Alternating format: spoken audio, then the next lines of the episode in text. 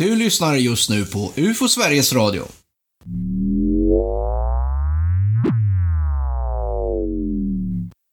Öland. Vad tänker ni på om jag säger Öland? Just i detta sammanhang är det säkert någon som får tanken UFO och Öland. Intressant! Öland är Sveriges näst största ö och minsta landskap. Öland är beläget i Östersjön, öster om Småland, från vilket det skiljs genom Kalmarsund. Ön är sedan 1972 förbunden med fastlandet genom Ölandsbron. Apropå Ölandsbron finns det ju en skön skröna jag säger skröna tills någon säger emot mig om att ett flygplan av modell Viggen ska ha flugits under densamma. Men vi ska väl i detta avsnitt prata om annat som flugit omkring och observerats från just Öland. Eller vad säger du Johan Gustafsson? Ja, det tycker jag. Vi ska väl gräva lite grann i ett par av de rapporter som vi har ifrån det här området runt Öland. Vi behöver ju faktiskt inte dra gränsen precis vid, vid den, eh, vad blir det, västra stranden där. Utan vi, vi fortsätter nog en liten bit in i, i Kalmar också. Det här får vi väl se som den andra delen i vår serie om UFO-observationer i Sverige med avgränsning till ett landskap i taget. I alla fall ska du vara minst lika välkommen som alla våra lyssnare till UFO Sveriges Radio.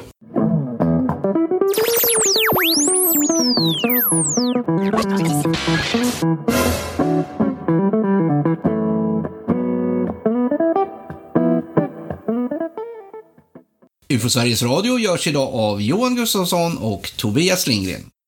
Har vi några godbitar här då från Öland? Ja, eh, vi har ju saker som vi har jobbat med.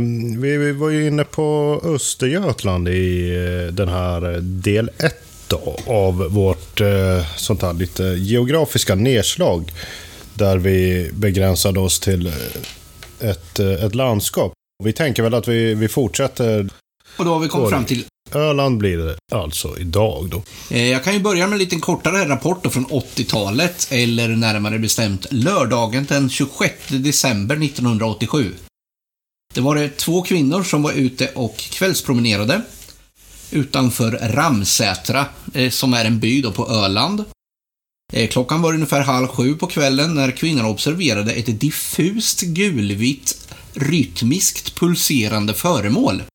Eh, ljuskällan då hade en diskusform, säger de, och det svävade endast på några meters höjd över marken. Och de beskriver då avståndet till det här föremålet som 100 meter ungefär. Vid ett tillfälle så belyste det här objektet den omgivande marken med någon sorts strålkastare och de säger sig inte ha hört något ljud. Men efter en stund så kommer det en bil och närmar sig och då helt plötsligt försvinner det här föremålet ögonblickligen bara. Puff! Enligt vittnena så genomsöktes området dagen efter observationen, men de kunde inte hitta något spår. Kvinnan som rapporterade händelsen till UFO Sveriges rapportcentral sa sig ha blivit väldigt rädd och de betecknade det här föremålet som ett UFO. Men tyvärr så har vi inget svar, eller vi kan inte säga något som orsakat observationen. Men det är väl en typisk rapport då som vi fick in ganska tidigt efter händelsen och som det skrevs om i UFO-aktuellt redan på 1980-talet. Gjorde man några undersökningar här då, av det den här kvinnan eh, såg eller hur? Det framgår inte av den här artikeln som jag har tagit från UFO-aktuellt. Nej, det, det, har ju gått lite upp och ner med det genom åren. Själva undersökningsmetodiken har ju inte alltid sett ut riktigt som den gör idag, även om den har blivit bättre med åren. Det har ju hänt lite annat eh, på Öland. Eh, vi har ju faktiskt några ganska intressanta observationer därifrån. Trots att det, så vitt jag har förstått, inte bor så mycket folk där. Det är mest det här allvaret och massa slättmark. Det hände lite saker där. I början på 90-talet så har vi ju en, eh, en ganska intressant observation som eh, gjordes närmare bestämt den, eh, den 2 mars då, 1990. Jag har den framför mig här. Jag tänkte dra lite grann ur eh, rapporten här som den har beskrivits av eh, en man som hette Rolf Krantz. Han eh, hade under 40 års tid arbetat som polis det här var på kvällen då. Klockan var runt 1940-tiden. Han och en kollega var ute på eh, rutinarbete. Patrull, så de skulle upp på något. Man hade fått något tips om något potentiellt inbrott då, uppe i norra delen av ön. De åker där eh, längs det som eh, på den tiden kallades för länsväg nummer 136 mot norra Öland. Jag vet inte vad den kallas idag, om den har ändrat namn, men får vi då se där först när de kom fram till någonting som kallas för eh, Vanborga Köpingsvik. I nordostlig riktning så får de först se eh, ett eh, lysande lite större föremål på, på himlen. Det hänger ju först eh, eh stilla. De tänker, kan det vara flygplan? Kan det vara helikopter då, som vi pratade lite grann om, en Vertol-helikopter. De kallades ju fortfarande för banan, men egentligen så var ju den riktiga bananen den äldre helikoptermodellen som verkligen såg ut som en banan. Ja, just det. Men han skriver så i, i rapporten, här, vi, vi fastställer att det måste röra sig om en Vertol-helikopter, den flygande bananen. Det är deras initiala slutsats. Då. Det, det måste ändå vara en sån. De kör vidare då, sätter fart uh, några kilometer bort, uppfattar de det här föremålet då, och kör patrullbilen vidare i riktning mot det här. Och det är något senare då, det har gått 20 minuter, eh, ja 10 minuter skriver de här ungefär. Så det är vid 1950-tiden nu. Som de har kommit fram till en kyrka. Men de har det alltså i sikte hela tiden? Ja, det är väl lite oklart om de ser det precis hela tiden. Men nej, nej, de... men det är ändå med dem ja, när de åker. Så att även om jag tänker man, svänger man kanske man tappar det, men ja. det är hela tiden, det försvinner inte. Nej, utan det, de har det i, i någorlunda uppsikt i alla fall, hela tiden. Och vad är det de ser? En, en lysande grej. Eh, blåvitt eh, ljus. När blinkar i blåvitt sken uppfattas som så röda markeringsljus. Det är väl hans sätt att, att syfta på positionsljus. Det här är en, en ganska så stor grej, 40-50 meter i, i diameter uppskattningsvis. Och den är ju då, som de uppfattar, diskusformad. Har som någon slags gondolliknande form under intill. Vi hade en liten diskussion om det här och vi kom fram till att det är lite grann som en, som en upp och nervänd, eller som en skål av något slag. Ja, den är rundad på något ja, sätt i alla fall. Precis. Får de uppfattningen om att, att de kommer närmare den här apparaten? Ja, det, det får de ju. Och då har de övergett den här första initiala om helikopteruppfattningen? Mm. Precis. Nu, nu börjar de ju få lite andra insikter här. Va? När de sen eh, iakttar det här föremålet eh, i närheten av den här kyrkan då, så eh, då har de kommit lite närmare som sagt. Då, då uppfattar de att det här föremålet helt plötsligt rör på sig. Då, och då går det som de upplever väldigt fort. När jag säger de här så menar jag egentligen Rolf Krantz, för han är den enda som har gett redogörelser här. Men de var fler i polisbilen. Ja, de var ju två stycken och han talar ju för, för bägge två hur han i alla fall tyckte att det gick till i sällskap med kollegan. Finns det något namn på den här kyrkan? Den heter Alböke kyrka, öster om länsvägen. Lite mer norrut på ön då? Ja, de kör ju norrut så det, det är biten. Men eh, han beskriver så här då, eh, Krantz där. Den upplysta diskusen, de kunde betrakta den i 20-30 sekunder kanske. Sen så plötsligt, utan förvarning, så satte den av då med en otrolig fart. Att säga att den accelererade är att uh, ta till i underkant. På någon tiondels sekund uppnådde den en hastighet som var svindlande. I en flack bana snett framför polisbilen susade föremålet tvärs över vägen. Och sen går den då vidare ut emot uh, sundet. Ja, den flyger västerut. Det är så det beskrivs i, i ett senare skede när de är intervjuade av Hemmets Journal. De hade ju för vana att skriva lite grann om sådana ja, saker. Ja. Sen så får de ju faktiskt se det här föremålet två gånger till eh, under kvällen. För de får se det när, när de kommer tillbaka också. Eh, de är uppe där och kör, de har ju sitt jobb som de ska eh, utföra där. Så de åker på det norrut där och sen när de kommer tillbaka, det är några timmar senare, då får de återigen se föremålet på, på andra sidan. Och då kommer det tillbaka ifrån väster mot öster igen. Va? Så då, då kan man ju tolka det som att det är ja, på tillbakafärd om det inte har... Ja, men det, det, det är lägesbundet på den platsen så de kommer tillbaka till den här kyrkan ungefär. Ja, eh, om det är exakt vid den platsen ska Nej, men, på, men, ändå, är... ändå så på vägen hem. Ja, precis. Och då de kommer den här... Då kommer den tillbaka, då kommer ja. den från väster mot öster Ja, istället. så man kan ändå tänka sig att den är vid den platsen och mm. att den, när de har kört förbi, då är den bakom dem. Ja. Och sen när de vänder och åker hem igen så, så kommer det tillbaka. Ja, ja. kan man eventuellt tänka sig. Eh, och sen ser de det ytterligare en eh, eh, tredje gång, men då har klockan blivit sen. Då är det efter midnatt. Och det var väl på lite större avstånd, eh, vad jag förstått här. Och kanske inte lika påtagligt. Men eh, ja, sammanlagt tre tillfällen som de ser det här eh, föremålet. Och, ja, Krantz själv, han var ju väldigt förbryllad över det här tyckte sig väl ha någorlunda förståelse över vad man kunde se på himlen. Eh, peka på sina 40 år inom polisyrket, att han har fått se lite av varje på himlen. Får man dra till med det amerikanska begreppet trained observer i det här fallet? Ja, jag vet inte om jag är så Man vill ju gärna koppla det. ihop det med poliser. Ja, det finns ju så, så många som, eh, som använder det där begreppet. Tränade observatörer när de pratar om poliser och piloter och Är det ett astronomer. amerikanskt begrepp kanske som Ja. inte funkar här eftersom du inte tror att trained observers är någonting? Nej, jag menar ju att uh, vittnespsykologi det är eh, totalt oberoende av, av yrkesutbildning och sånt. Va? Så att eh, jag vill väl ändå betrakta både Eh, Krantz och hans kollega som två vittnen eh, i mängden. Det är ju faktiskt en ganska intressant grej som de har sett här. De har upplevt det här på nära håll. Det här eh, föremålet går ju rakt över deras bil. Tvärs över bilen mer eller mindre, i alla fall över vägen och ut mot sundet. Där. Samtidigt så beter det sig ju väldigt avvikande från både den här helikoptern som de först funderade över och det här flygplanet i med den här höga accelerationen som det gör. Och något ljud hör de ju inte annat än ett väldigt eh, vagt så då, som det verkar brummande ljud när föremålet passerar tvärs över dem. Men de, de upplever inte som att det är fantastiskt långt, eller högt upp, eller långt bort, Nej, nej. när de är som närmast. Nej, är, som jag har förstått så uppfattar de att det är ja, kanske några tiotal meter upp, eh, 100 meter kanske max. Det, det är inte, Det är ju väldigt nära. Så det är inga stora avstånd vi pratar om så.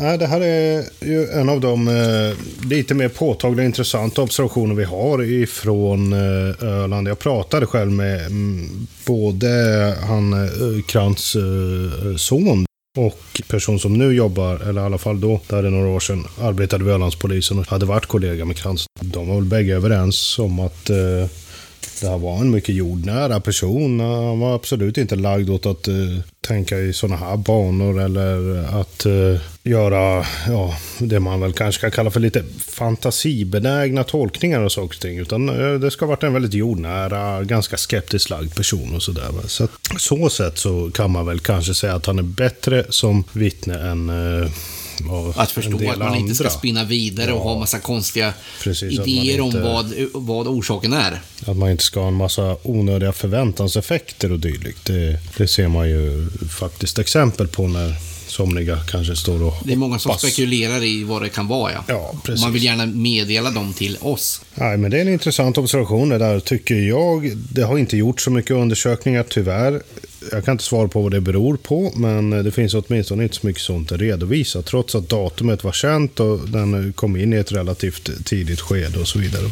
Den här artikeln i tidningen där då, utmynnade den i någonting? Egentligen bara i en dokumentation utav eh, händelsen skulle jag vilja säga. Det är inte så mycket mer utav den. Tagit lite bilder och redogör utförligt för det som har hänt. Så att nej, jag skulle inte säga att den resulterar i så. Naturligtvis är syftet för en sån här tidning, vad hette den sa du? Allers, eller vad var det? Ja, det är Hemmets Journal. Eh, då, deras syfte är ju naturligtvis underhållning. Ja. Men det är ju ändå, ändå trevligt att det, att det dokumenteras. Artikelrubriken här är ju lite talande för hur han själv uppfattar det. Jag är bergsäker. Ett flygande tefat svävade över heden. Och det är då Rolf Krantz som citeras här. Vi ska fortsätta med Krantz, eh, ska vi kalla det. Att det blir en efterföljare av den här observationen. Ja, krantstråden kan vi kalla det. Det, det. vart lite så att det ena ledde till det andra när jag började kika på det här fallet för flera år sedan. Jag låter väl dig sticka, sticka Emellan med något emellan. annat. Vi tar och pausar här lite med en annan observation.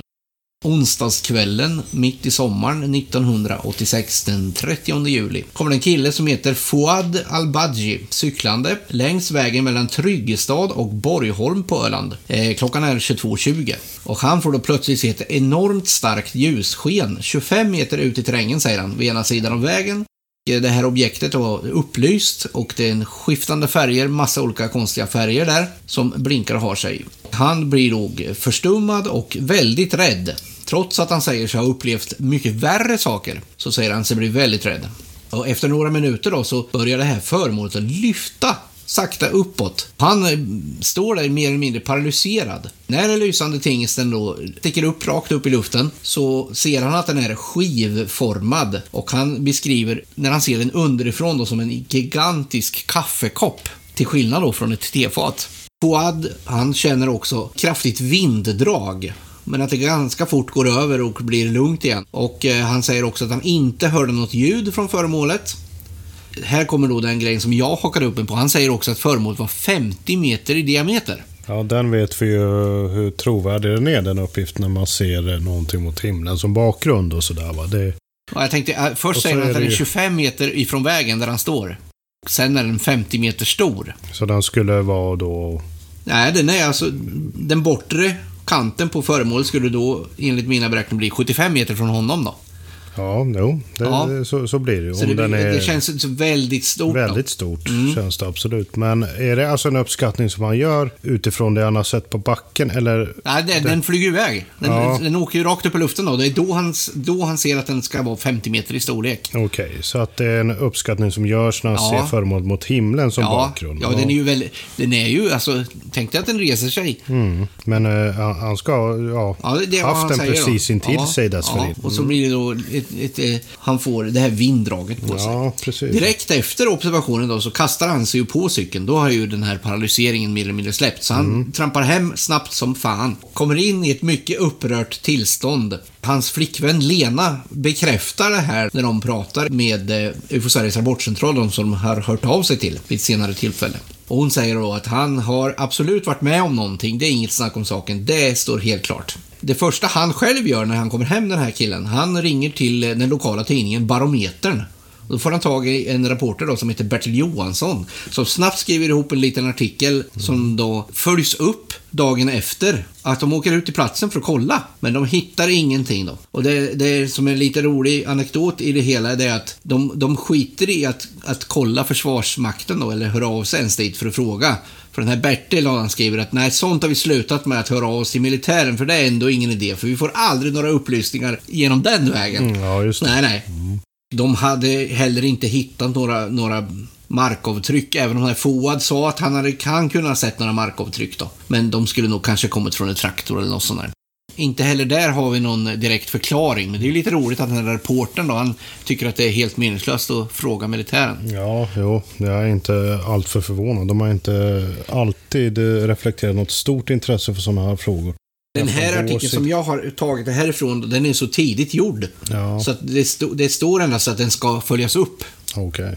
Ja, Mm. det är lite påtaglig observation får man ju säga, med någonting så stort så nära. Sen är det lite konstigt att han beskriver först en disk och sen en kaffekopp, för de ser ju inte riktigt likadana ut kan jag känna. Det är, en kopp borde väl vara lite mer... Den har en annan form, Ja. absolut. Det, det, det tycker man ju. Ett Men- tefat hade väl varit närmare.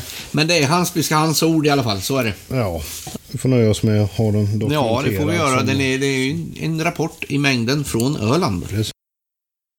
Ska vi fortsätta ta upp tråden där du Mhm. gav en cliffhanger precis nyss? Ja, mm, min lilla cliffhanger om kransfallet här.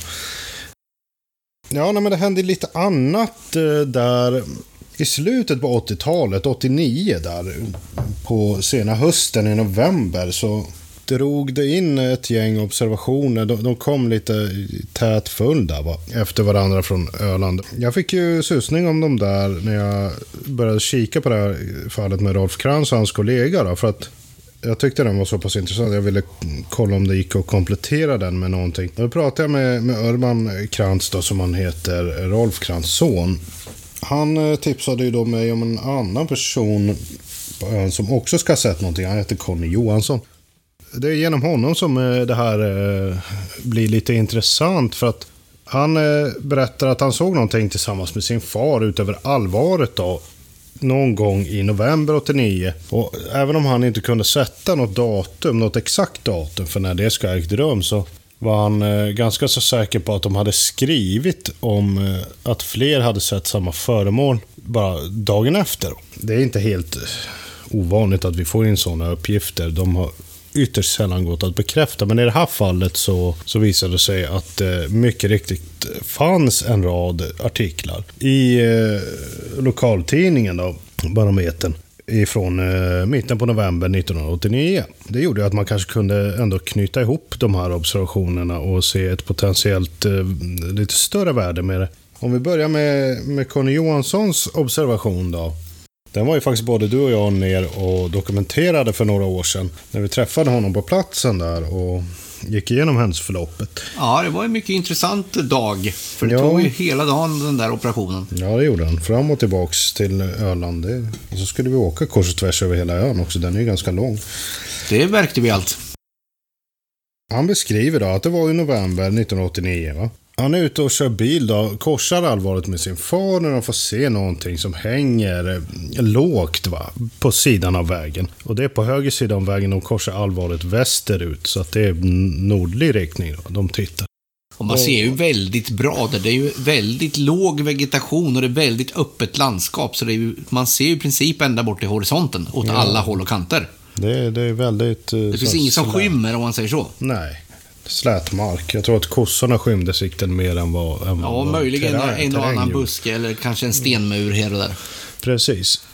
Då får de se någonting, det, det är väldigt lågt, ja, ett par hundra meter borta, kanske 500 meter bort som eh, han uppskattar, 500-600 meter och eh, ett hundratal meter upp. Det är ju lösa uppskattningar vi pratar om nu, men det, det står väldigt lågt på himlen så med låg höjdvinkel som vi ju så vackert kallar det. Så det är inte alls så högt över horisonten. Det är som ett eh, diskusformat eller som han själv beskrev när vi träffade honom, beskviformat föremål. Det är som en eh, liten eh, halvrund eh, sak sådär. Ja, en biskvi är ju en god kaka. Ja, En begravningskaka kanske någon skulle säga. begravningskaka. Choklad med eh, smörkräm i. Mycket goda.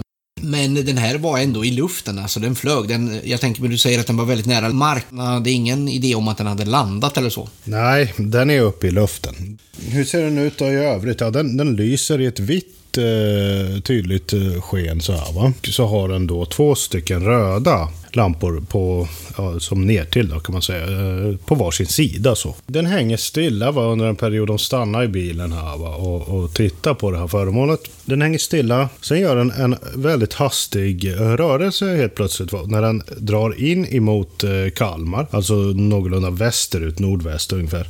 Sen så eh, gör den en, en gir till och rör sig mot nordost. Va? Så att det blir som en liten V-formad rörelse där kan man säga. Och då går det väldigt fort. Och sen så börjar den röra sig söderut istället. Då. Och då går det inte lika fort utan då glider den bortåt med, med avståndet. Sen så, som sagt, berättar då Conny det även ska ha skrivits om eh, att fler ska ha sett samma föremål dagen efter. Och jag började då gräva i arkivet eh, för att eh, se, vi har ju väldigt mycket gamla svenska pressklipp om sådana här saker. Och då hittade jag flera artiklar i, i lokaltidningen. En artikel då om eh, en observation som ska ha gjorts ifrån en, en eh, tullspaningsstation inne vid fastlandet i Kalmar. För där är det några tullare som står på, på span. Va? Och eh, det här är ju då någonting som är publicerat i eh, Barometern den 16 november 1989. Det är en torsdag. Och eh, beskriver observationen från dagen innan. Då, så det är på onsdagen. Va? Det innebär att det är den 15 november som de har sett där. Och eh, samma datum ska då Conny Johanssons observation ha ägt rum. Va? Om vi antar att, att det stämmer att det skrevs dagen efter. De här tullarna står eh, på span och får se då ett eh, vitlysande föremål med röd eh, lysande ljuskällor inne under utöver sundet. Då. Så det, det stämmer väldigt väl. Det de uppfattar med det som, som Conny Johansson sen har beskrivit. Och de står och tittar på det här under en eh, tid, eh, kvart, upp mot kvart, tio minuter någonting så. Sen drar de iväg och hämtar en, en kustbevakare för att de vill eh, att fler ska se det här föremålet. Och eh, så kommer de tillbaka med honom. Föremålet är då kvar ute vid sundet. Och det är statiskt alltså, det står still hela tiden. Då står det still, men i det här läget så börjar det således att röra sig och det börjar glida långsamt eh, söderut. Då. Inte olikt det som, som Conny Johansson beskrev där. Då. Vad man eventuellt kan tänka sig här är alltså att eh, tullarna har missat den här rörelsen när den rör sig in emot eh, Kalmar eller nordväst. Ja, För då borde de se motsats rörelse. Ja, då borde de se en rörelse emot sig själva lite mer så. Ja. Eller, Eftersom de står eh, på motsvarande ställe, eller de står på varsin sida om den här grejen. Precis. Med tanke på att de eh, är iväg och hämtar den här kustbevakaren och sen kommer tillbaka och föremål börjar röra sig söderut ganska kort efter det. Samtidigt som Conny Johansson beskriver att föremål rörde sig söderut strax efter att det gjort den här rörelsen. Va? In mot land och sen tillbaka ut. Kan man nästan pussla ihop det där scenariot med att den sker medan de är och hämtar kustbevakningen. Sen kommer de tillbaka och lagom i det skedet så börjar föremålet röra sig söderut.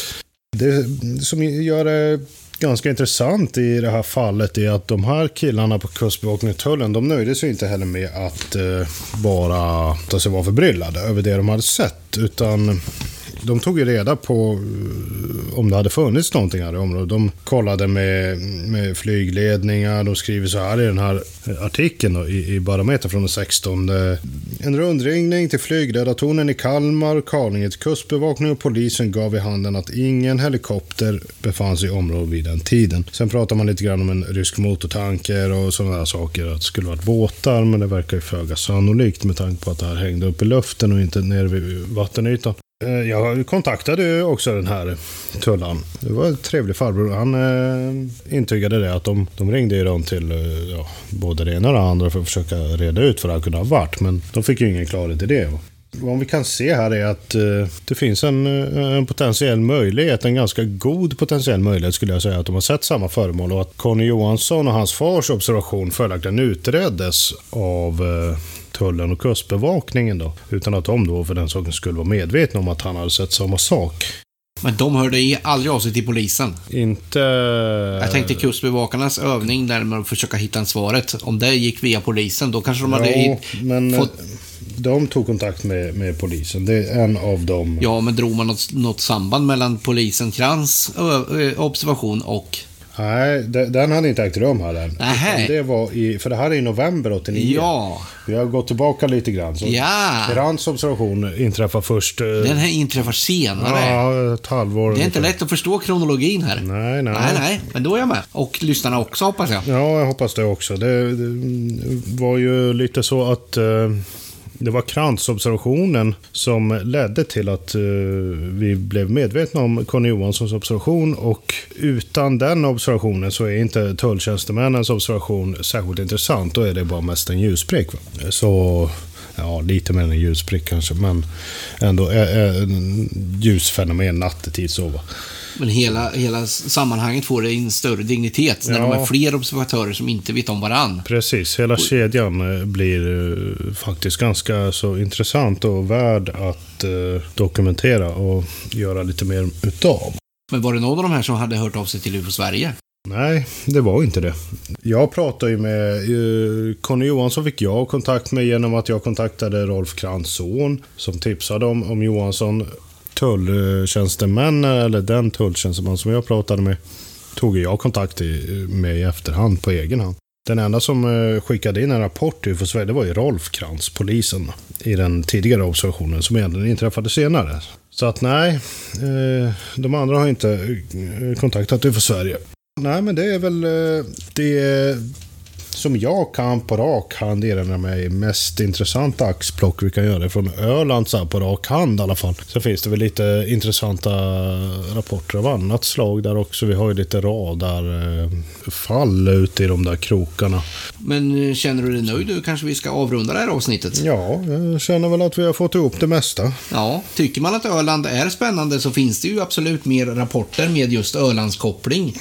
Säkert i vårt gedigna rapportarkiv som du precis nämnde här. Eh, vi får kanske anledning att lyfta fram fler av de rapporterna framöver. Det tror jag nog. Eh, I övrigt kan vi ju rekommendera Johan Theorin och hans berättelser och romaner med tydlig koppling till Öland, där det ofta ingår mystik av alla möjliga slag. UFO Sveriges Radio görs av Riksorganisationen UFO Sverige. Har just nu en fundering eller ett önskemål, tveka inte att slänga iväg ett mejl till info.ufo.se. UFO Sverige finns också på sociala medier där ni gärna får prata om UFO Sveriges Radio, alltså den podd ni just lyssnat på. Du hittar UFO Sveriges Radio där poddar finns. Då säger vi väl på återhörande och tack för att ni gillar det vi gör och att ni lyssnar på UFO Sveriges Radio. Hej då! Tack och hej.